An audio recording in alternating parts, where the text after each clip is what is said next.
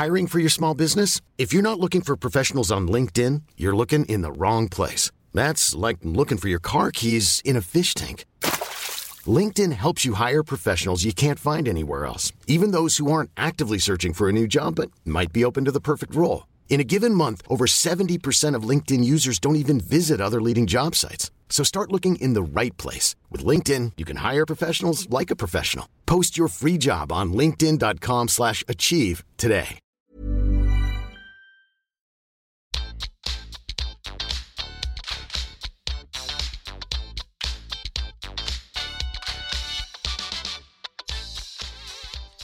Sammen, og velkommen tilbake til podkasten Karriereveiledning med Elaine.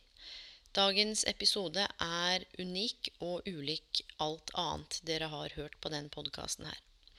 For en liten stund tilbake så traff jeg en eh, fantastisk dame, og vi kom i prat. Og den dama dere skal få møte nå, hun heter Camilla Virdeus. Hun ble mamma i 2005, og så viste det seg at sønnen ble hjerneskada under fødselen. Og hun sa til meg at det ble hennes karriere de neste tolv årene før han gikk bort. Og det var noe i måten hun sa det på som traff meg så langt inn i ryggmargen at jeg tenkte at eh, henne skal få lov til å være gjest og dele sin historie. Hun er klok, hun er raus, hun er sterk. Og hun forteller både om tiden før, så vi får et innblikk i hennes karrierehistorikk, men også hva hun har stått i, hva hun har lært, og ikke minst hvordan hun har brukt det til å komme seg dit hun er i dag, og ha en karriere som hun elsker, og hvordan det å ha omsorg for sønnen sin på den måten som hun hadde, faktisk propellerte henne inn i det yrket hun har. Hun er nemlig personlig trener. Og Camilla er bl.a. svensk mester i bandy. Hun ble nominert til Årets PT, Årets instruktør. Hun har tatt utdannelse ved Norges idrettshøgskole og har en hel del haug av kurs. Midt oppi alt dette her så er Camilla et ekstraordinært menneske. Så jeg håper denne episoden her gir dere noen eh, hva skal jeg si, frysninger, tårer i øyekroken, eh, refleksjoner, og rett og slett eh, sender Camilla masse, masse kjærlighet. En bedre dame skal du leite lenge etter. Og med det så ønsker jeg god lytt, mine venner. Hallo, Camilla. Er du på linja? Det er jeg, vet du. Hallo. Så nydelig. Takk for at du hadde lyst til å være gjest i denne podkasten. Det har jeg gleda meg skikkelig til. Takk for at jeg vil være med. Jo, du, selvfølgelig. Jeg kan jo si kort da, til de som lytter, at eh, vi kjenner hverandre egentlig ikke. Men jeg fikk et sånt innfall om at jeg skulle ha en personlig trener for eh, et par uker siden. Og tilfeldigvis hadde du lagt ut en treningsøkt på Facebook. Så tok jeg kontakt med deg, og så satte vi i gang dagen etterpå. Riktig. Det er jo sånn vi har blitt kjent. Ja. Så vi har jo møttes et par ganger, og jeg er hur støl som helst. Så det er bra. Det er godt å høre. Ja, Men den podkasten her skal jo handle om deg og din reise, som jeg får lov til å ta et lite innblikk i. Men som sagt, vi kjenner hverandre ikke så godt, så vi skal starte rett på. Husker du hva du hadde lyst til å bli når du var liten, Camilla? Vet du hva, det gjør jeg. Og det enda som kommer opp i hodet mitt, det, var, det er faktisk operasongerske. Oi! Ja. Det vil jeg bli. Men Var det fordi du likte å synge, eller fordi at du syntes det å være operasanger var kult, eller hvordan kom den tanken i hodet ditt? Det var vel med at jeg likte å synge. Jeg bare digget musikk og likte å synge, og det hadde jeg lyst til å bli når jeg ble stor. Alle andre ville bli leger eller noe annet, men jeg ville bli operasangerske. Og da er jeg litt sånn nysgjerrig, da. Du er jo ikke operasanger akkurat nå? Nei, ikke ennå. Nei, ikke Å, det svaret likte jeg. Ikke enda, but someday, girl.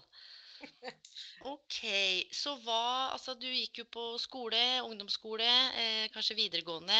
Hva, hvordan, hva skjedde med den operadrømmen? Altså, hva slags valg har du tatt underveis, da? Altså, jeg har jo bare fulgt med strømmen og blitt, eh, blitt mer og mer interessert i mennesker Mm. gjennom åren. Derav eh, utdanningen sosial linje på videregående. Eh, og videre inn på sosionomhøgskolen Ja, i Sverige, eller? i Sverige, i Ørebro. Ok. Mm. Så du utbilda deg til sosionom, men jobba du som sosionom òg, da?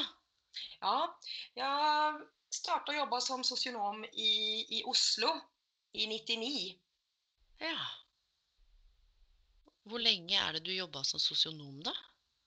Ja, da kommer vi jo inn eh, på dette med eh, eh, hva som skjedde under på veien der. Jeg fikk jo en sønn i 2005 Ja. og var helt fin i svangerskapet. Eh, och eh, gick ut i permission som vanligt. Men min sønn fikk da en stor hjerneskade ved fødsel. Mm.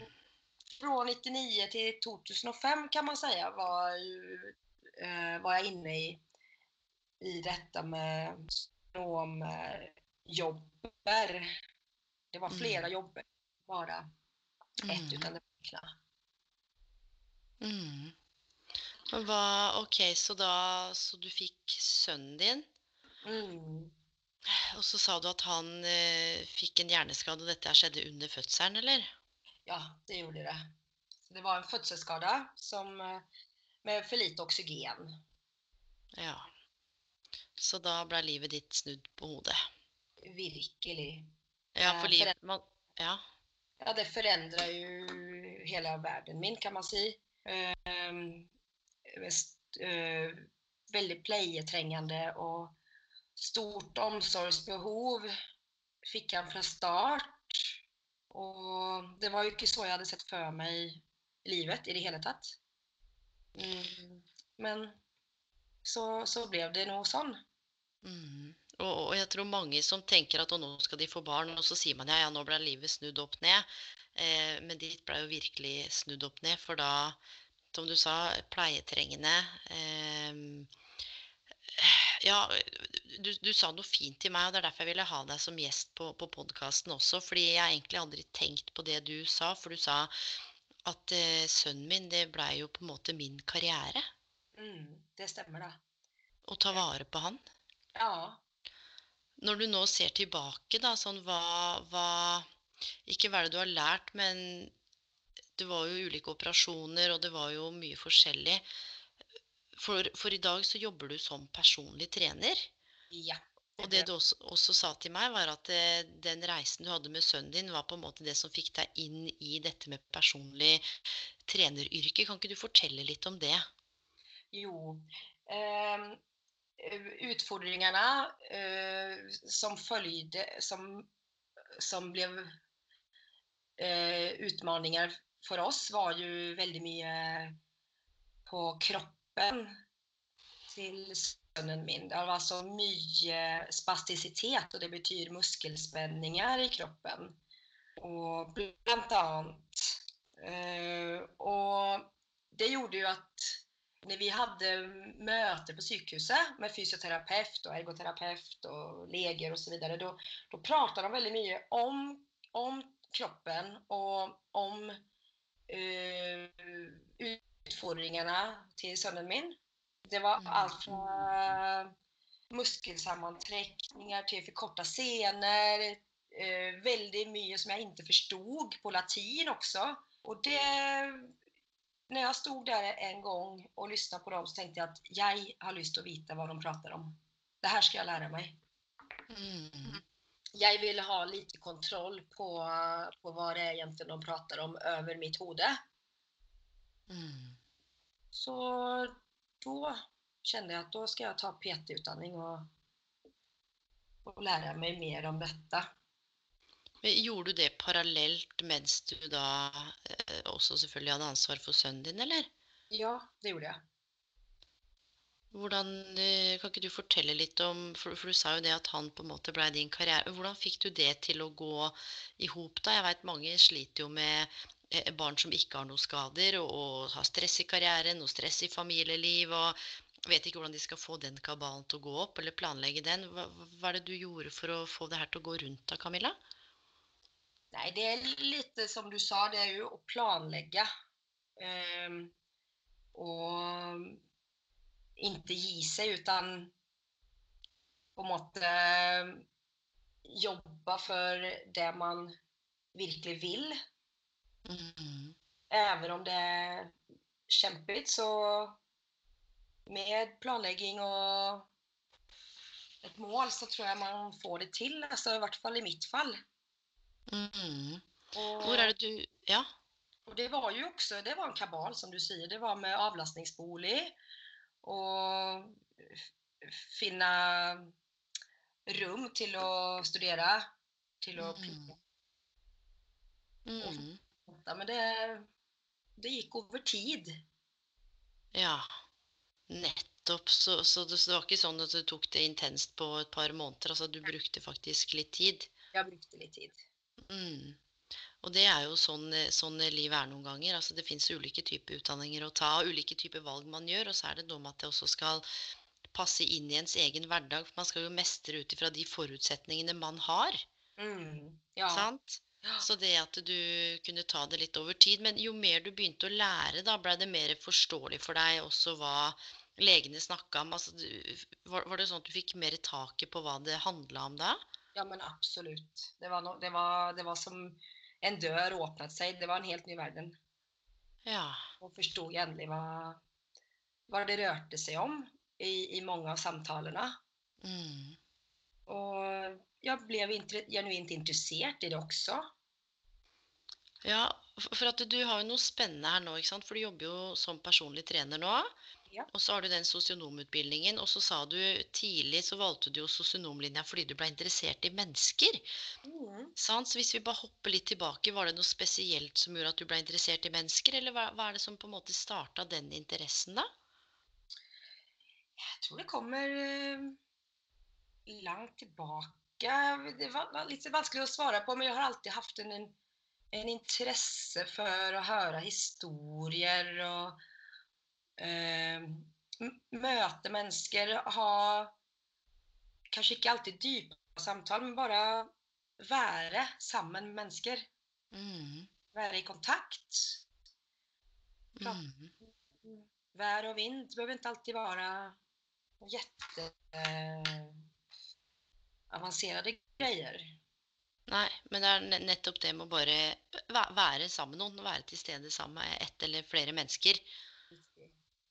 For det er jo noe du får virkelig får bruk for i utdannelsen din, også nå som du jobber som personlig trener. Har du noen tanker rundt at det er noen link mellom alt det du lærte deg når du jobba som sosionom, og at du kan bruke det inn i jobben din som PT nå?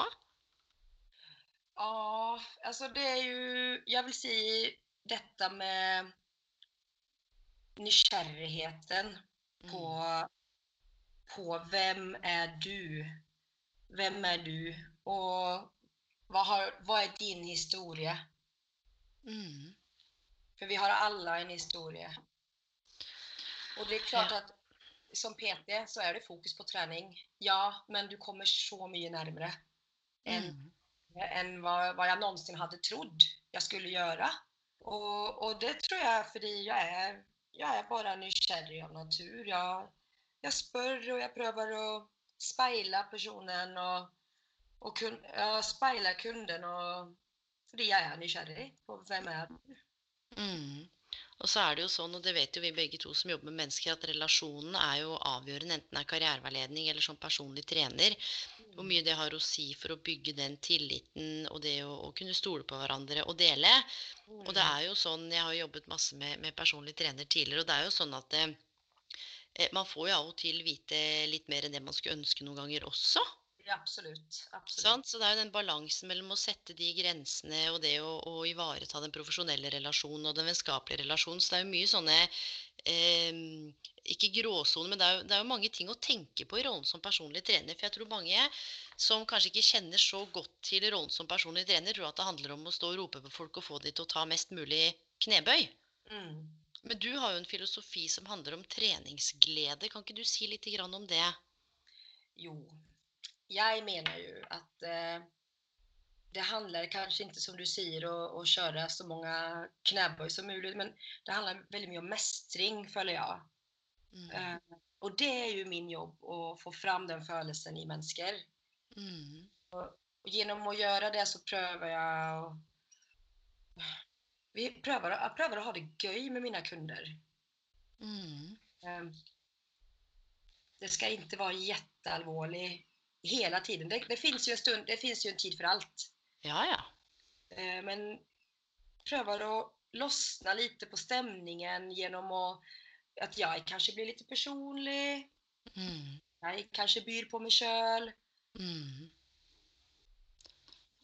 Ja, og det tenker jeg er jo litt av nøkkelen også, for selv om man skal være profesjonell, om igjen, om det er karriereveiledning eller personlig trener, så er det jo på en måte mennesket bak. Du er jo først og fremst et medmenneske. Mm. Og så tenker jeg litt sånn, når du valgte den eh, linja da, tilbake til eh, videregående, eller ja, hva er det det heter på svensk, er det gymnasiet? Eh, Ja, Ja, når du valgte den linja, var det sånn at du hadde noen karriereveileder? Var det sånn at du snakket med noen, eller var det noe du bare bestemte deg for på egen hånd? Nei, jeg jag hade en, eh, en veileder som mente ja. eh, min, Ut ifra den intervjuen så var det polis eller lærer Oi, faktisk som jeg scora på. ok. Mm. Men den veien valgte du jo ikke. Nei, det gjorde jeg ikke. Hva var det som gjorde da Altså, du var interessert i mennesker, men, men snakka du med noen andre, eller visste du noen ting om den sosionomlinja, eller hva, hva det var for noe, egentlig? Ja, när det gjelder sosionomutdanningen, så var det min mamma som eh, var veldig pådriver på den. Ah, Själv socionom. aha. Så det var hun som fick meg inn på den linjen. Og det takker jeg henne veldig mye for i idag. Ja, for det er interessant. For at du vet, jeg har jo jobba med flere tusen mennesker i karriereveiledning. Jeg møter jo mange hvor foreldrenes tanker og innflytelse står ganske sterkt. Og det er jo Mm. ikke alltid sånn at foreldrene hvis jeg har rett i gåseøynene, eller treffer. For foreldre er ofte opptatt av kanskje hva som er trygt og hva som er riktig, men moren din kjente deg antageligvis ganske godt, hun da. Ja, det gjorde hun. Hun kjente meg kanskje mer enn hva jeg hadde trott sjøl. Ja, og det er jo noe med det å lytte til andre, men også på en Mm. måte som jeg snakka om tidligere i podkasten, også å orientere seg innover. ikke sant? Passer dette for meg? Er dette noe jeg kunne tenke meg? Mm. Så det at uh, moren din var et godt film, forbilde, og at det var et riktig og viktig valg for deg, det er jo helt supert. Mm. For det er jo ikke ofte jeg hører de historiene. Det er mer sånn nei, men de vil det, og jeg vil noe annet, og nå er jeg, står jeg i konflikt, da. Mm. Ja, men du, det er jo kjempebra. Da er det thumbs up for moren din. Bra karriereveileder. Eller hur? Men du, er det greit at vi går litt tilbake til, eh, til sønnen din og den perioden der? Ja, det er helt Fordi Fordi når du eh, sa på en måte at sønnen din, eller det at han var pleietrengende, det var jo en 24-7 jobb for deg. Mm. Hva, hva tenkte du, og så klarer du å huske tilbake til det? Hva du Ja. tenkte når du på en måte sto ovenfor dette her? Ja, eh, du blir ju... Man kan på en måte ta... Noen som sa det til meg, en- mamma som sa at du kan velge å antingen eh, se hinder på veien Mm. gjennom hele genom hela linjen. Bara kanskje klage og, og skylde ja, motarbeide systemet og eller du kan velge å bli passager og sette deg inn i regelverk och, och medicinering och alltså lära sig underveis. Mm.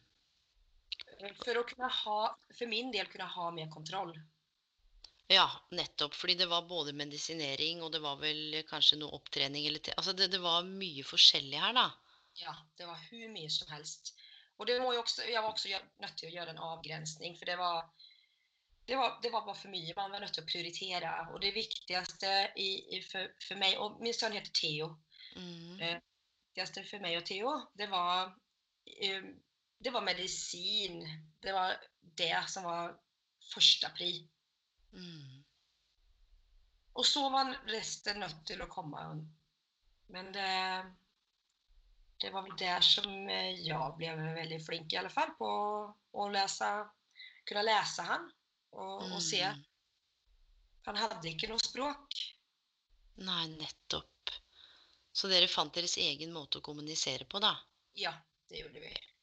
Ja, så du skjønte, altså du, du skjønte han, du kjente han. Ja.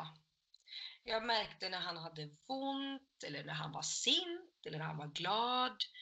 Det, kommunikasjon er så mye. Fra mimikk til lyder til bevegelse på, Mm. På en arm eller Det er Mm. det som er så fantastisk, egentlig. At det behøver ikke være ord, utan det kan være så mye mer. Og det er akkurat det, og der sa du det. Kommunikasjon er jo ikke bare ordene, det er jo alt som skjer mellom ordene, og ikke minst eh, sånn som du som mamma, da, din evne til å fange opp. Mm. Sant? At det derre samspillet der, hvor viktig det blir. I, I alle relasjoner, men spesielt her, som du sa, hvor det også eh, ikke var språk, da. Så du måtte både lære deg alt med medisinering, antageligvis så hadde du litt eh, jobb å gjøre med, med systemet. Altså var ting på plass? Sånn type avlastning, barnehage, altså var det noe apparat rundt deg? Absolutt ikke. Eh, vi bodde i Vestby kommune Ja. Og der eh, var vi nesten nødt til å gå i bräschen för å, for at det var ingenting på plats. De hadde aldri hatt noen så pleietrengende gutt som, som Theo. Så det var jo nödt til å finne avlastningsboliger, til å bygge opp en avlastningsbolig, Til å, å finne passende barnehage med å bygge opp en egen avdeling for han der. ja. Så det, det har vært en, en lang vei. En lang, og jeg har lært meg masse. Og når vi da flyttade, fordi vi skulle over til videregående, og det hadde Mm. de jo ikke i nærheten, så da, da valgte jeg å flytte til eh, Kolbotn. For der Mm. var det eh, en skole. Sofiemyråsen Mm. Hva er tilpasset for sånne elever som Theo. Mm. Du, noe helt annen kommune å flytte til. Ja, for der var ting litt Det var litt, litt mindre Du måtte kanskje ikke kjempe så mye? Nei, det, det var noe helt annet. Det var Avlastningsboligen fanns nesten ferdig når vi kom inn, og skolen velkomna oss. Nei, det var, det var helt fantastisk. Ja, det må jo ha vært en lettelse, da. Mm. For da er det jo en, kanskje én mindre ting å tenke på, hvis det går an å si det. Ja, men absolutt. Det gjør det. Så han gikk i barnehage og gikk på skole, altså? Ja. Det, Wow. Ja.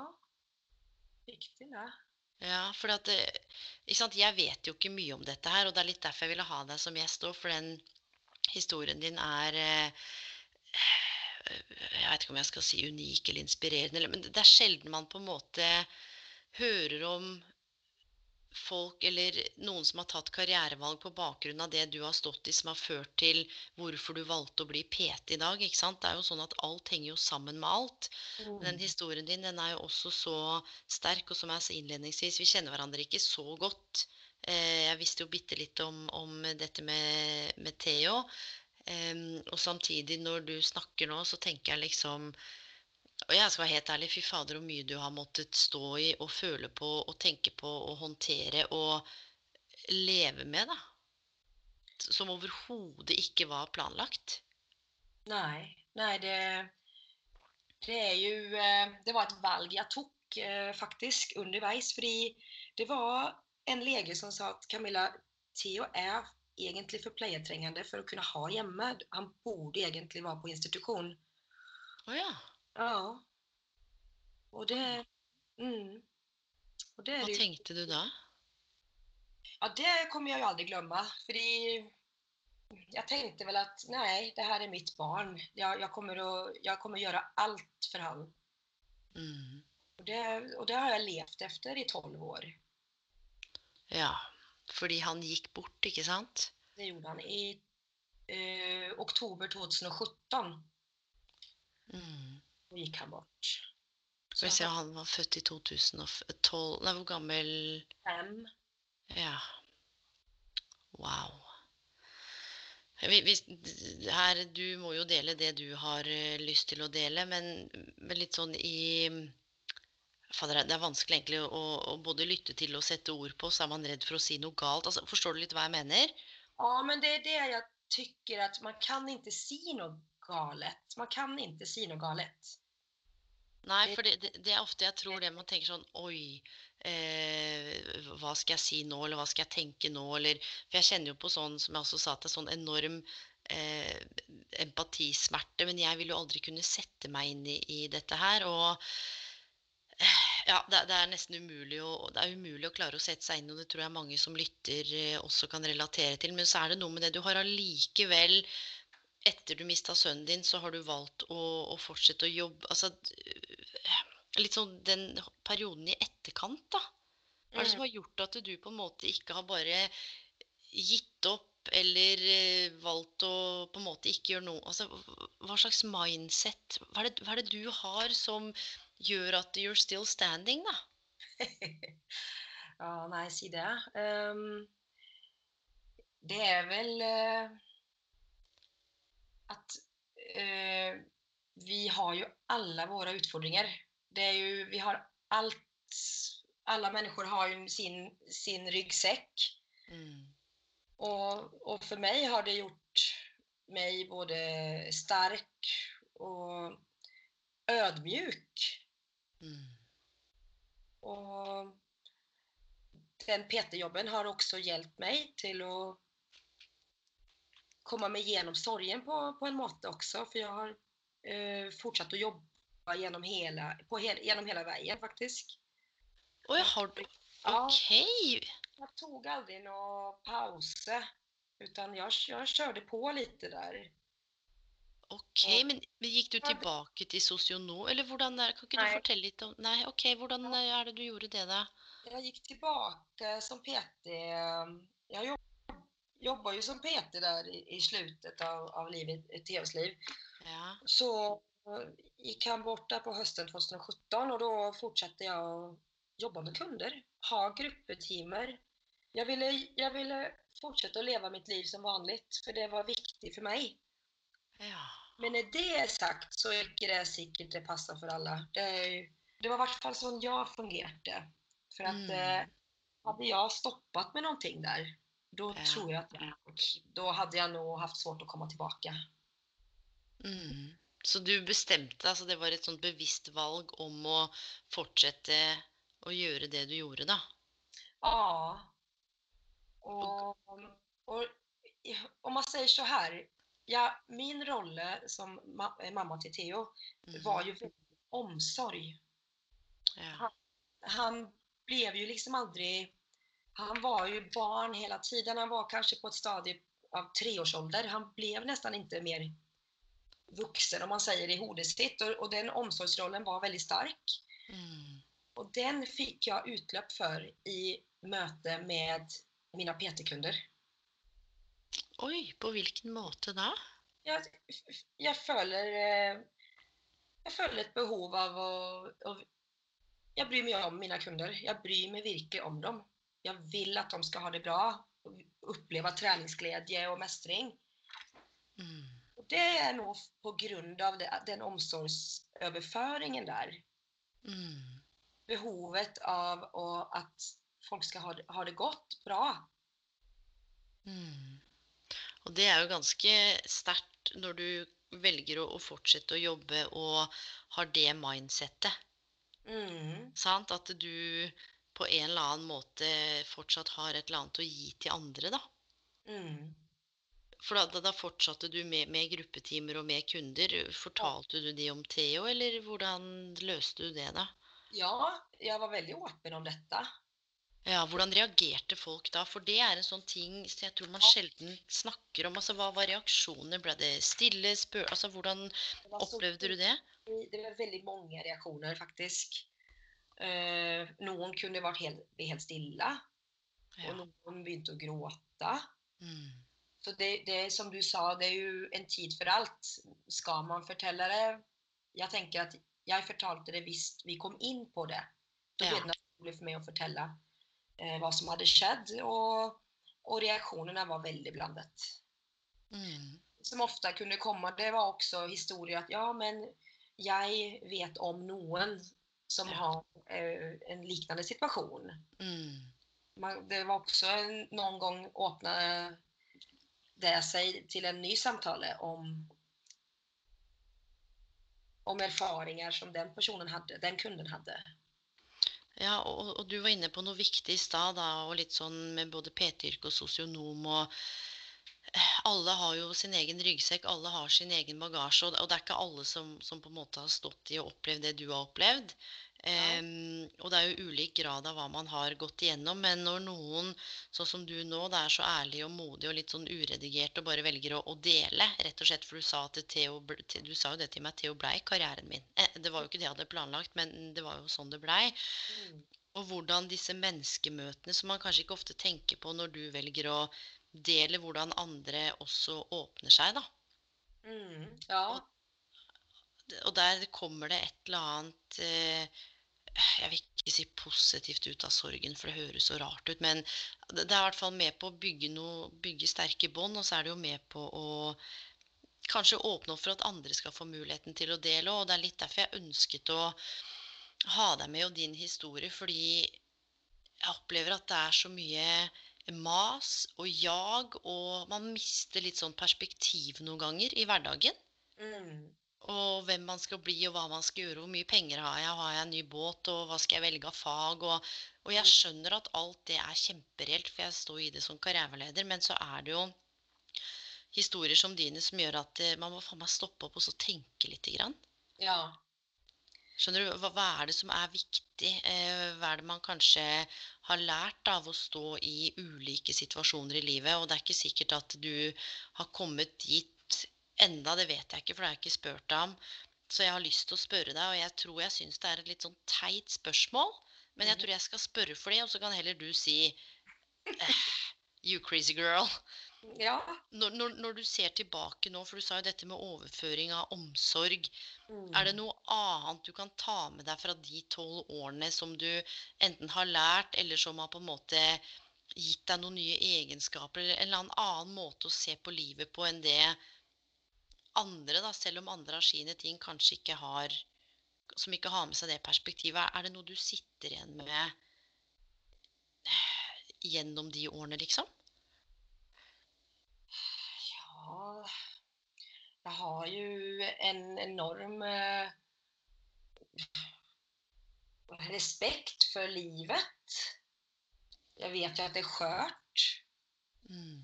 Eh, och jag har ju eh, hatt gleden til å få en ny sønn. Åh, kan ikke du fortelle litt? Ja, jeg er jo eh, gift med en kvinne.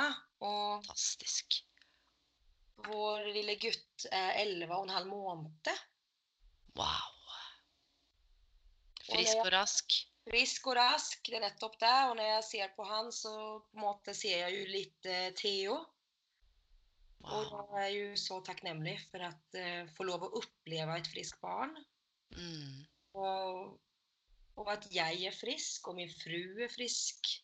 Det er Mm. litt eh, mantra jeg har hver dag, og som gjør at jeg kommer litt ned på jorden igjen. Mm. Og takker liksom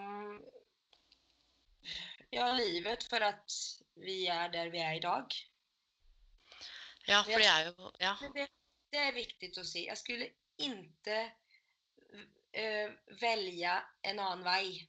Jeg skulle ikke ville vært foruten de her tolv årene med Theo. For det har, det har gjort meg så, så sinnssykt ødmjuk och ja, fått møtt så mange mennesker på min vei. For det var jo et enormt apparat rundt Theo. Enormt stort apparat. Ja, Det var det, ja. Ja, ja, ja, ja. Av alt mulig, som du sa. Leger, fysioterapeuter og, og folk som ville hjelpe. Ja, vi hadde jo samme mål og det var jo at Theo skulle ha det bra. Det var ett og samme mål. Mm. Men- hvor mange människor, Altså, jeg kan ikke telle hvor mange mennesker det var. Men det var lite gott också att känna på att vi, vi hade det målet. Mm. Ja, du sier noe der, altså. Jeg Du vet, man blir jo litt sånn Jeg kjente jeg fikk frysninger når du sa det, at du ville ikke ha valgt en annen vei i livet. Nei.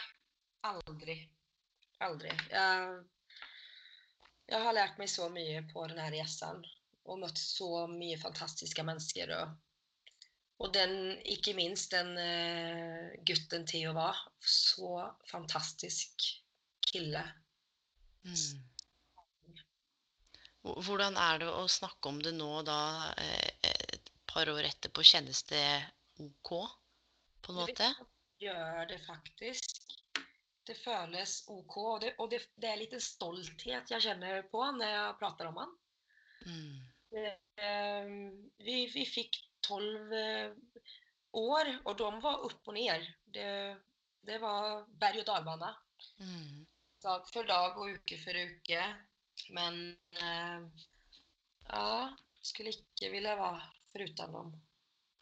Nei, og, og, og, når du sier noe der, og de tolv årene Nå skal jeg også stille et litt sånn rart spørsmål, men eh, prioriterte du Eller var det rom for å sette av noe tid til deg? Du sa jo det at du valgte å plugge eh, til PT, men fikk du rom til å være deg også, eller var det bare mamma Camilla på en måte som definerte deg, eller hadde, fant du flere roller, eller eh, fant du liksom ro i noen andre ting da, annet enn å, å, være mammaen til Theo? Var det andre ting du hadde, eller var det liksom altoppslukende? Det var veldig altoppslukende. Eh, men det som var litt av redningen min, tror jeg, for å kunne holde ut, det var trening. Ja! Mm, det var trening. Du... Det begynte, begynte med, med, å gå på det lokale gymmet i Vestby. På, ja på, på gruppetimer, og så var det noen som spurte ja, men du skal ikke bli instruktør, du, da? Og da ble det et, et, eh, et frø sådd. Ja. Og så ble jeg instruktør. For du hadde ikke tenkt på det før, eller? Nei, altså Jeg, jeg husker jo tilbake nå når vi prater om det. Ja. Og, og, så gikk det vel kanskje et halvår til, og da sa du, du, du skal ikke bli PT, du, da? Og da var det återigen et frø som ble sådd oppi hodet mitt. Ja. Og i tillegg da til eh, disse lege, sykehusbesøkene der de pratet om, eh, om, eh, om Theos kropp og utfordringer på diverse konstige ord, så, så ble, vi, ble valget tatt. da. At, vet du hva, jeg skal bli PT. Wow. Så, så, så, du klarte faktisk å opprettholde trening og, og ta vare på, hvert fall på helsa sånn underveis da, på den reisen med Theo. Ja. Og det, har, det har jo litt å si for det mentale, eller kan ha noe å si for det mentale? Jeg skulle akkurat til å si det. Den mentale helsen, ikke minst. Ja. For meg var redningen. Ja, og det er det jeg tror. ikke sant? Sånn som jeg liker det at du har fokus på treningsglede og mestring, fordi det fysiske og det psykiske henger jo så tett sammen. Og ja, man kan trene for å få fin rumpe og store biceps, whatever, og det er ikke noe galt i det. Folk har sin vei. Men mm. når man virkelig kommer inn i dette med å trene og kjenne på mestringen og kanskje litt av gleden der, og også, som du sa, eller som vi begge sa, hva det betyr for det mentale. Mm. At ja. man på en måte kjenner seg sterk og rusta til å på en måte takle det som kommer, men også at man kan bruke treningen for å få ut en del skit, da. Mm. Hvordan er det du brukte treningen, da? Har du tenkt noe på det, eller? Nei, jeg brukte jo treningen eh, jeg, jeg, fant så mye treningsglede i ja. gruppetimer. Trene sammen med andre mennesker. Det var fantastisk. Mm. Det var vel sånn det begynte. Og når jeg vel begynte, sen ble instruktør, da hadde jeg vel en tendens til å bli mer kroppsfiksert. Det skal jeg ikke legge skjul på. Nei, nei, og det er jo helt, eh, det er jo en helt vanlig greie, det. Ja, da ble det mer, ble det mer fokus på det. Men det begynte i hvert fall med, med det mentale. Med, mm. med, med tre, glede å trene i gruppe. Og når jeg, når jeg prater med kunder på den første introsamtalen, ja. så er det jo, som du nevnte, veldig mye det, det ytre som teller. Mm. Mm. Og, og det skal de for all del få lov til. Å komme med bestillinger. Mm. Men jeg tror, man, jeg tror vi, man vokser litt også underveis. Vi, man lærer kjenne sin egen kropp i treningen. og uh, i tillegg det sosiale Å bli sett av en annen menneske. Mm. Mm. Og noen, noen, ganger så kan jeg oppleve at det, det var ikke så viktig kanskje likevel med, med den her uh, sprettrumpa. og Det er kanskje bare treningsgleden. Å få, å få den og bli trygg Mm. Ja, og, og det å mestre. Riktig.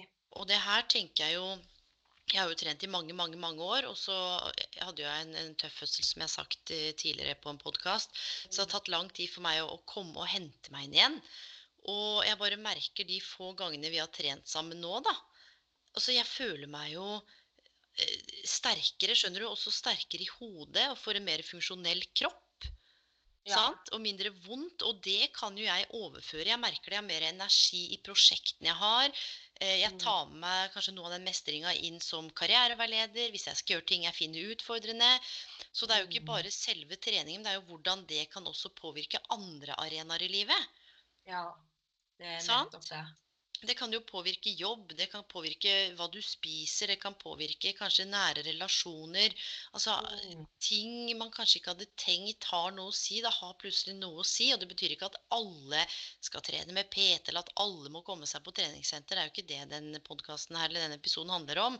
Men det handler om hvordan det å kanskje bare eh, gå seg en liten tur, ta seg en sykkeltur, eller finne noe man syns er gøy, som du var inne på, kan Mm. være nok til at man får litt endorfiner og kanskje får redusert litt stress eller angst, eller kanskje får tenkt på litt annet i en periode òg, da. Ja. For det, det jeg syns er deilig, og nå skal jeg være helt ærlig, jeg er jo ikke noe glad i struktur og disiplin, og jeg er jo det i, når jeg jobber med sånn privat, så har jo jeg bare surra litt med treninga og gjort litt sånn som passer meg her og der. Og det jeg Mm. liker med deg, altså du har jo kontroll, det er et opplegg, og så bare kjører vi på. Ja. Og så er det jeg som må gjennomføre, og det er den gjennomføringsevnen og den mestringa når du har lyst til å gi deg, men ikke gjør det. Det er den jeg tror jeg tar med meg over til andre arenaer. Mm. Og det er en sånn gavepakke. gavepakke. Og så er det Mm. bra for, for både det fysiske og det psykiske. Mm. Men du jobber jo som PT nå, eh, og så er du jo permittert. Ja. Og du har jo, for dette handler jo, og dette er jo en podkast om karriere og karriereveiledning, og så er det jo så viktig å få fram at eh, Theo var jo din karriere i en lang periode, og jeg syns du satt ord på det på en så fin måte.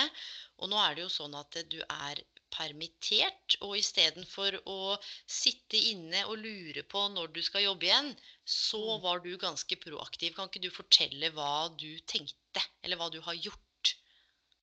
Jo, jeg har ganske raskt det snudd meg rundt Uh, og begynt med utendørstrening.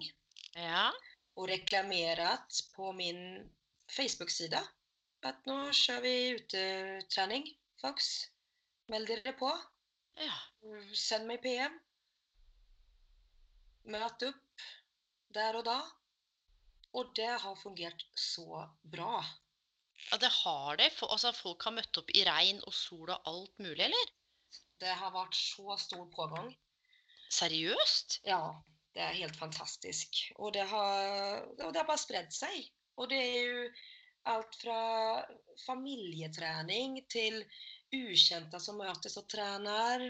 Og alt foregår jo utendørs. Og det Ja, ja, er det er en sånn frihet å, å trene ute Ja. Ja. eh, enn å være innstengt på gym. ja. Som at vi er liksom likestilt på en måte. Vi er i samme båt. Det er, Hmm. det er så befriende, den, eh, den utetreningen. Så at, det- du kjører gruppe, gruppetrening, altså folk som ikke kjenner hverandre, bare møter opp sånn som en typ form for gruppetime som du har lagt opp, da? riktig. Og vi forholder oss til retningslinjene som har kommet. Mm. Jeg har begrenset det til fire personer. Og hvis Ja. det er eksempel åtte som har lyst, da tar jeg dem etter hverandre. Ikke sant? Ha! Så du har jo faktisk snudd deg rundt, og, og vi trener jo faktisk på verandaen din. Ja, det Og gjør det, vi. og det er noe med det, fordi jeg husker jeg lå og kjørte benkpress, og så så jeg opp på himmelen, Ja, og jeg tenkte sånn Fy fader, vi lever i Norge. Vi har velferdssamfunnet Norge. Vi har politikere vi kan stole på, sånn stort sett i hvert fall. Eh, og her ligger jeg og trener i frisk luft, apropos det du sa med, med å sette pris på livet og være ydmyk. Mm. For jeg tenker av og til Det er ganske mange som Nå kan jeg bare snakke for meg, da. Hvis du Mm. hadde spurt folk rundt om i verden som ville ha bytta plass med meg. Skjønner du? Altså ja, det er korona, og ting har vært vanskelig for mange. Men samtidig, her ligger jeg og trener under åpen himmel, frisk luft. Jeg har rent vann ved siden av meg. Jeg har en personlig trener. Mm. Tenk deg hvor mange som eh, rett og slett ville vært i mine skoa. Ja. ja. Sånn, vet du hva, Det har jeg ikke sagt deg, men det er sånne ting jeg tenker på når vi trener. ja, riktig. Ja, men bare kjenner meg så takksom, liksom. Ja. Og jeg tror, hvis vi skal se på noe, det er jo over 400 000 mennesker som har blitt nedbemanna, permittert eller mistet jobben. ja. Så det er jo mange som Og det er fryktelig mange PT-er som har blitt berørt. Mm. Og det er ikke alle som har klart å hive seg rundt og gjøre noen ting. Det er mange som har sittet og venta, noen har starta opp online. Men det at du faktisk tenkte at hvordan kan du få noe ut av dette her, da, sier jo også litt om både tankesettet ditt og det å, å være proaktiv. Og folk, mange ønsker jo fortsatt å trene. Oi, oj, oj. Det er et så stort behov. Ja, det er det, ja. ja. Eh, og takknemlighet også. De, folk er jo superglade for att eh, den muligheten åpner seg nå. ja. For Så- treningssentrene, de er jo ikke åpne ennå. Nei, Nei, så du kommer til å fortsette litt eh, det du har holdt på med nå, i hvert fall til du veit noe annet. det kommer jag. Ja. Fortsette på det här spåret. För det, det har virkelig vært en success, vil jeg si. Men du, har du hvis, hvis du liksom ser tilbake nå da på alle valgene du har tatt, og det du har stått i Du sa dette med, med takksam og omsorg, og det er en del ting. Er det noe Til de som lytter nå, da, har du noen type karrieretips eller noe råd eller noe du liksom fra hjertet ditt bare har lyst til å dele med de som lytter, som kanskje er bekymra for karrieren sin, ikke vet hva de skal velge, ikke vet hva de skal gjøre, ikke vet hva de skal bli? Er det noe du har lyst til å, å dele, noen refleksjoner der som kanskje kan gi litt perspektiv? Ja Jeg Det hadde det vært litt sånn klisjé. Følg drømmene dine og jobb mot målet ditt. Men det er noe i dette. Eh, og så Det er jo ikke alle som kan ha mulighet heller til å snu seg rundt, men jeg tenker i hvert fall å starte ett sted. Mm. Det er jo Og hva, hva, har man for, hva har man for drømmer? Hva har man lyst til? Mm. Og eh, og, og tørre. Og tørre å satse. Ja, hvorfor er det mange som syns det er så vanskelig å tørre å satse, Camilla? Jeg tror det er litt vårt mindset som holder oss igjen. Faktisk. Er vi redd for ikke få det til, eller er vi redd for hva andre skal tenke, eller kanskje føler vi at ikke vi fortjener det, at ikke vi er verdt eller hva, hva, hva, hva liksom Jeg tror alt du sa der, eh, følger med oss eh, i, bak i hodet. Vi, vi er bare redde for å mislykkes på noe sett. mm, Og, og jeg tenker til dem som står og, og er bekymret og, og redde for framtiden. Jeg, jeg tenker, det jeg vil si, er bare at det ordner seg. mm. Det, det vil Ja. si. På, på noen venstre så gjør det det. Det ordna seg. Selv om man ikke alltid klarer å vite alt. ikke sant? Vi er jo så opptatt ofte av, kontroll, og vi vil vite hva som skjer. Og hvis jeg velger det, så skjer det. Men, men sannheten er at eh, og, og du er jo dessverre, på, på godt og vondt, et veldig godt eksempel på det. Mm. Sant? Eh, livet ditt tok jo en, en vending både karrieremessig og privat som du aldri noen gang hadde sett for deg. Nei, nei. Og når du vel nå sto i det, så håndterte du jo det også. Mm. Men hadde noen sagt det til deg Sant? At Camilla, det som kommer til å skje om to år, Mm. er at du kommer til å få en sønn altså, Så hadde jo det vært helt vilt å se for seg. Ja, ja, ja. Ja, det, Sant? det hadde det virkelig. Ja, og jeg tror noen av de scenarioene vi kanskje ser for oss og bekymre oss for Jeg tror ikke det er ofte at det er de scenarioene som skjer. Nei, det er Jeg, tror jeg tror det er noe helt annet som skjer, på godt eller på vondt. Ja. Fordi livet er jo, som du sa, både skjørt og uforutsigbart. Og jeg tror når vi får utmaninger, eller når sånn som koronaen har skjedd og folk står uten arbeid, så, og som du sier, det kommer til å ordne seg. Det er greit å ha det vondt og ubehagelig, og det er jo helt, helt lov å kjenne på alle følelsene. Mm. Men på et eller annet tidspunkt for de fleste så vil man finne en retning eller gjøre seg noen nye tanker, eller kanskje lytte til en eller annen historie som inspirerer en til å tenke at OK, hva er det ene jeg kan gjøre i dag? Da? Det ene kanskje riktig og viktig skritt i én retning som er riktig for meg. Mm. Og det å tørre å drømme, Ja. det er en sånn Og nå skal jeg spørre noen noe som ikke du visste at jeg skulle spørre om, så kan du jo velge. Vet du liksom hvor du er om fem år? ja, det gjør jeg. Hå! Gjør du?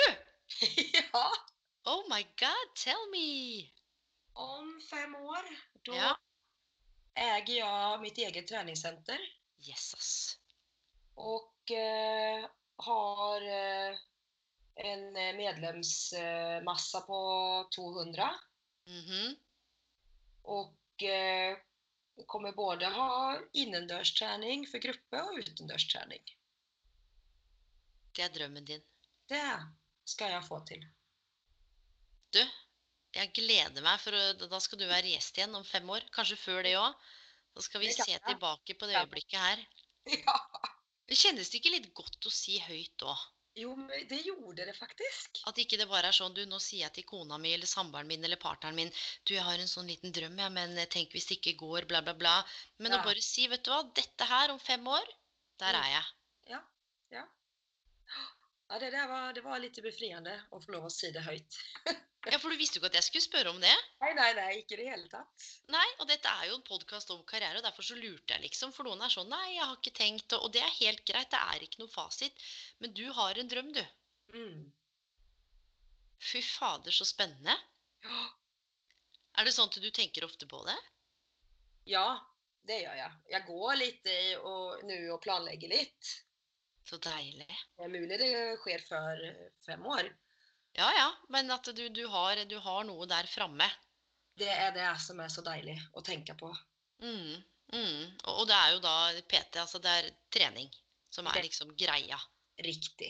Og det er mitt brand. Det blir, det blir meg. Er ikke det kult? Mine vilkår og forutsetninger mi- och det skal bli treningsglede og mestring så det bare ljomer av. Ja, og jeg hører det nå i stemmen din. Og du vet, når vi snakker om noe vi brenner for å tro på, så skjer det noe med kroppsspråket og mimikken. Og ja, du har jo god kontroll og kjenner godt til kommunikasjon. Det skjer noe med oss når vi tør å snakke om de tingene vi har lyst til å gjøre, og si det høyt. Ja, ja, ja. ja. Så blir det også mer energi og entusiasme, og så blir det også mye mer ekte. Riktig. Ja, ja. Det her syns jeg var kult, for det visste jeg ikke. Herregud, det her gleder jeg meg til å, å rett og slett følge med på, sa Camilla. ja. Hæ? Det, gjør jeg med. Wow! Men du, for de som lytter nå, hvor, og har lyst til å vite mer om deg, eller kanskje din historie, er det noe sted Hvor er det folk kan finne deg? Er du på LinkedIn, Facebook? Hvor er det du er hen?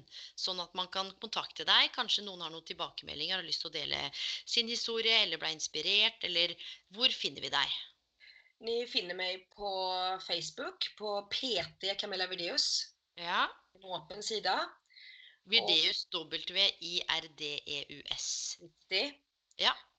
Og der legger jeg ut eh, litt treningsbilder og invitasjoner. Så det er bare å, å klikke seg inn der. Og så fins jeg også på Instagram. Ja. Då blir det Camilla8811. Ja. Och så er det LinkedIn også. ja. Det er de tre stedene hvor vi kan finne deg. Ja. Du, så utrolig nydelig, Camilla. Tusen takk for at du valgte å sette av tid til å dele historien din, som jeg kjenner sånn sitter i, i, i ryggraden. Altså, jeg klarer ikke å forklare det, men det gir eh, I hvert fall fra et karriereperspektiv det gir, og et livsperspektiv så gir det rett og slett eh, Åpner opp for dimensjoner av nye perspektiver. Jeg har fått frysninger flere ganger, hadde noen tårer i øyekroken i stad. Eh, og kjenner jeg bare liksom beundrer deg for at du har eh, valgt å dele og være åpen, og for at du har valgt å bruke det til det du bruker det til i dag, da. Mm. ja. Tusen takk for jeg fikk av min historie. Det... Jo, det skulle fader meg bare mangle. Oh, takk skal du ha, Camilla. Ha det godt, da. Ha det!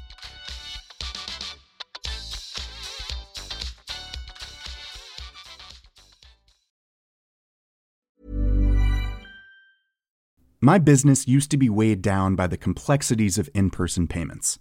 Then, Tap to Pay on iPhone and Stripe came along and changed everything. With Tap to Pay on iPhone and Stripe, I streamlined my payment process effortlessly. Now I can accept in person, contactless payments right from my iPhone. No extra hardware required. What's truly remarkable is how I can cater to all of my customers' payment preferences. Whether they're using cards, Apple Pay, or other digital wallets, Tap to Pay on iPhone and Stripe ensure a smooth checkout experience every time. And it's not just me. Stripe helps businesses of all sizes, from local markets to global retailers, scale quickly and stay agile. To learn how Tap to Pay on iPhone and Stripe can help grow your revenue and reach, visit stripe.com slash tap iPhone. Ever catch yourself eating the same flavorless dinner three days in a row? Dreaming of something better? Well, HelloFresh is your guilt-free dream come true, baby. It's me, Kiki Palmer. Let's wake up those taste buds with hot, juicy pecan-crusted chicken or garlic butter shrimp scampi. Mm. Hello Fresh. Stop dreaming of all the delicious possibilities and dig in at HelloFresh.com. Let's get this dinner party started.